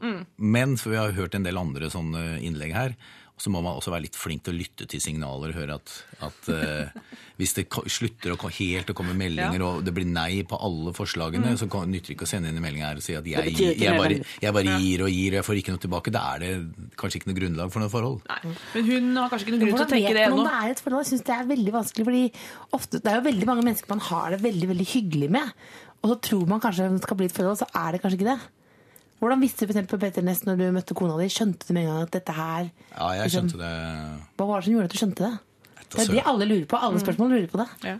Nei, men det, det er vanskelig. Altså, det sitter, sitter Det er en psykofysisk eh, reaksjon. Det sitter i alle mulige Så verden stoppet opp, på en måte. Ja, og jeg- brukte jo et, et år før det, før det ble oss. For det, mm, men mm, det var nok en del signaler underveis jeg ikke tok Men jeg syns signalene på det motsatte var såpass sterke og tungtveiende også at, eh, at jeg valgte å, å holde ut. Eh, Men eh, eh, ja. Klorte vet altså hun, men hun bruker to uttrykk her. Jeg er avslappet, samtidig som hun spør er jeg for panisk. Mm. Han får Jeg er avslappet i forholdet, men jeg lurer på om jeg er for panisk. Ja, ikke sant? Et eller annet sted mellom der så ligger det en, eller der er det en eller annen konflikt Det er inni helt henne åpenbart. Og hun føler seg veldig vel, er vel egentlig det hun skriver, i, i selskap med denne mannen. Men uh, i ukedagene. Ikke sant? Men, Ukedagene men hvis hun er ligger søvnløs om netten og tenker på dette absolutt hele tiden, så er det kanskje enkleste og kanskje skumleste å bare spørre rett ut. Ja. Tror du at det er noe her i det Ja. hele tatt? Dette høres ut som en diagnose. Forelska. Ja. Ja. Er, er det ikke sånn det er å være forelska? og, Og man kan vel spørre Det er vel ikke kleint å spørre til to måneder om man driver og dubbeldater, liksom? Er det Det Det er, er ikke sikkert, det er ikke sikkert du får et ekte svar, eller et ærlig svar, men eh, du kan godt eh, spørre. Ja. Og, og, og det er jo egentlig helt streit å, si- å si fra at jeg, jeg er forelsket i deg, jeg har lyst til å være sammen med deg. Det er veldig hyggelig. Er det noe grunnlag for det? Det er Du er kjempehyggelig. ja. Ja, men du kan, kan gjøre Det er sånn er fast, fasttelefon uh, fasttelefon Jo, men likevel, men det, for det blir jo masse sånn hvis, hvis, eh, hvis kommunikasjonen går på hvor mange SMS man har sendt til, sendt til hverandre, helt uavhengig av hva innholdet er, så mener jeg det er bare spør. Ja. Vær konkret. Jeg er forelska. Men Det ikke er jo lite, navnet hans det er veldig sånn. lite som kan måles opp med konkrete menn, voksne konkrete menn, som spør Jeg mener ikke man si, jeg bør jo, ikke men si at jo, men er jeg, jeg er forelsket i deg, eller jeg kunne tenkt meg at vi skulle ha et kjærlighetsforhold resten av livet. Men bare si at jeg, jeg kunne tenkt meg å tilbringe en del tid sammen med deg. Ja. Du kan leie et korps, og så kan du komme utenfor huset om natten. Ja. Du kan kaste stein mot vinduet. Onsdag er Lysjordet skoles musikkorps tilbake igjen, og da tror jeg de er godt innøvde på alle typer sanger. Det er fantastisk. Åh, det hadde vært helt Onsdag ved nydelig. femtiden så, så kan vi spille I Just Call To Say I Love You. Oi, oi, oi. Eh, om eh, vår innsender eh, syns hun er nevrotisk, så ønsker vi egentlig bare at du skal kjøre på med enda mer drama og få det ordentlig filmatisk og fint i det du forteller eh, han du er forelska i, at du er skikkelig, skikkelig keen og på vei til å gå på veggen hvis du ikke får vite hvordan du skal gjøre dette. Åh, eh, vi Gjør det veldig selvfølgelig vanskelig for ham, andre ord. Ja, gjør det veldig vanskelig for han å si nei, jeg er ikke interessert. Det er egentlig et kjempegodt tips. Det var hun eh, undertegnet med nevrosa. Det var vel kanskje litt overdrevet. Du er ikke nevrotisk, du er som Else Kåss sier. Du er forelska. Og det er helt lov. Det er jo en forferdelig tilstand. Det er en forferdelig tilstand. Den kan forveksles med annen sinnssykdom. Er det tre, tre til seks måneder man sier at den varer, så slapp av, Ja, det går over. det Det går kommer til å gå over. Det blir helt vanlig. Ja. Det er ikke som borrelia eller sånt noe. Det er ikke som borrelia, du blir kvitt det. Eh, la oss høre på Chanel Monet. Eh, med fun, da, egentlig. Det er litt Chanel Monet i bakgrunnen der, og det er derfor jeg eh, har skrevet opp at jeg liker denne låta. Den heter We Are Young. Lørdagsrådet. Det var Stødig som en bauta med krokkesølv, og før det så var det eh, Chanel Monet og Fun eh, med We Are Young. Folkens, kjære lørdagsrådgivere, vi har kommet til det punktet i sendingen hvor vi skal dele ut en T-skjorte. Hvem får dette plagget? Eh, la oss høre litt på hva vi har vært gjennom i løpet av sendingen. Men, det, men det er en snikende undertekst at hun ikke er helt fornøyd med den planen. Ja. Ja, for det er nettopp det, når, når kjærlighet blir så saklig Ja. at det blir 18-linjers mail, så Ja. er det noe der. Altså, det er ikke noe Patrick Dempsey. Og det var mer snakk om karriererelevant enn lidenskap. Ble det nevnt? Kristin eh, mener at uh, hva skjedde med kjærligheten? Har den tatt, er, det en, er det en ny K som er blitt større enn den store K-en i kjærlighet? Eh, Så her er det vel bare å, hvis, å få litt ordnede former på det. Det handler jo ikke om den ene teltturen.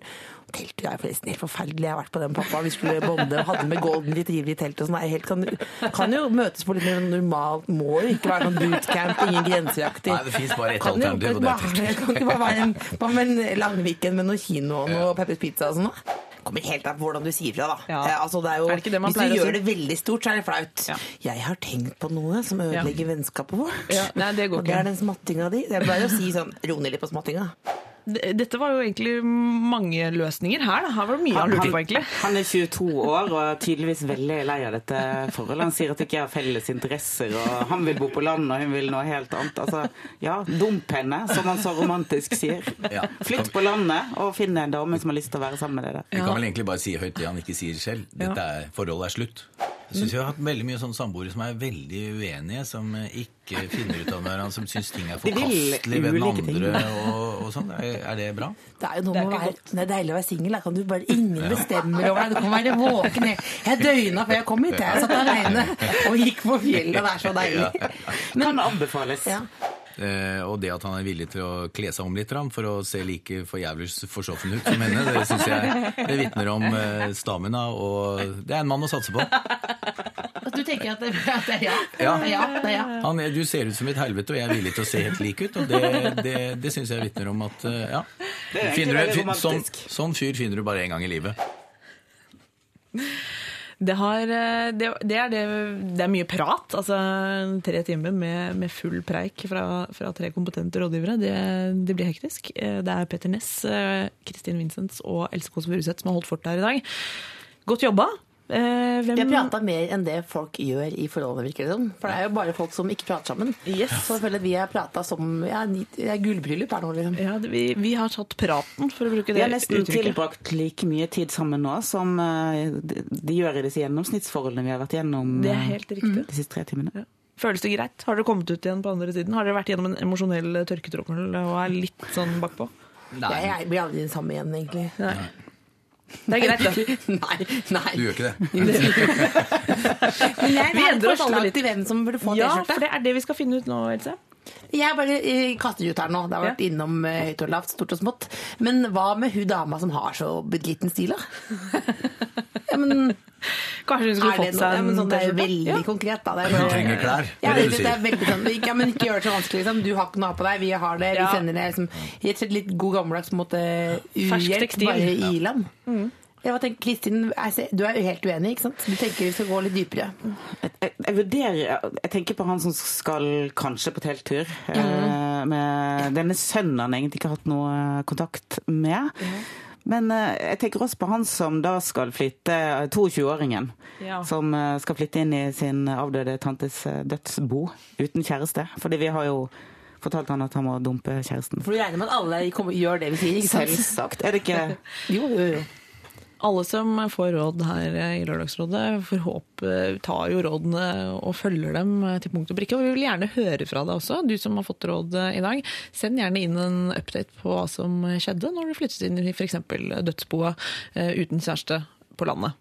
Vi vil høre hvordan det går. Men Petter Nesolini, du som vil at alle skal ja. eh, altså slå opp. jeg, jeg får være den eldste fornuftige her, da. For Ja. at du var inne på det, Kristin. Men jeg mener definitivt han, eh, han med den ni år gamle sønnen som han skal prøve å bli far for. Så en eller annen gang når de eventuelt er på kino eller på telttur eller hvor de er, så har han en T-skjorte på seg, og så spør eh, pappa hvor fikk du den fra? Jo, det var han skal døre her, gutten min, og, derfor er vi eh, far og sønn nå. Og det, jeg syns eh, han har en jobb foran seg der som er verdt å oppmuntre. blir en fin historie for han å fortelle. Kanskje sønnen han skal gifte seg en gang om mange år, og så skal han holde tale. og så kan du fortelle om hvordan de fikk ordnet opp i dette forholdet seg imellom. men ikke ha den P3-T-skjorta på i bryllupet med sånn blazer over. Det er bare Klaus Olstad som kler, som kler sånn Og Knut Nærum, selvfølgelig. T-skjorte på blazer over. Ja, nei, den, den T-skjorten kan han bruke på telttur. Det er eh, helt eh, riktig. Kan også, eh, han kan også spille av podkasten i dette bryllupet og, og høre hva som ble bestemt, faktisk. Det går an, for sånn er teknologien. Eh, tusen, da, da gir vi T-skjorta til far, som, eh, som dropper PlayStation til sin ni år gamle sønn, og heller går for, eh, ifølge oss, en telttur eller en tur på Peppes. Else var litt keen på en tur innom der. Moby Eh, Dick Peppers nummer ni. blir aldri feil. Da må vi bare passe på at den sønnen ikke får vite det, for da kommer han til å hate oss. Ja, for at han aldri fikk PlayStation. Ja, det kan jeg Det får han bare gjøre, altså. Men det blir T-skjorte til eh, far med, med sønnen på ni år. Tusen takk til eh, dagens lørdagsråd, Kristin Vincents, eh, Else Kåss Furuseth og Petter Ness. Skulle gjerne hatt med dere hjem. Fortsatt praten, kanskje over noen glass. Overraskelse, vi skal være med hjem. Men ifølge kontrakten jeg har signert, så er ikke det lov. Det er her praten foregår. eh, Sånn at du som hører på, får være med. Jeg får ikke lov å fortsette det etterpå. Dessverre. Men takk for innsatsen. Det har vært godt å ha dere her. Eh, Her får vi eh, You Are The Only One med Maria Mena. Nei, vi skal høre på Jack White istedenfor. Ja. Det er litt røffere stil, men det må være greit. Du hører nå en podkast fra NRK P3. Hent flere podkaster fra NRK på nettsiden nrk.no podkast. NRK P3.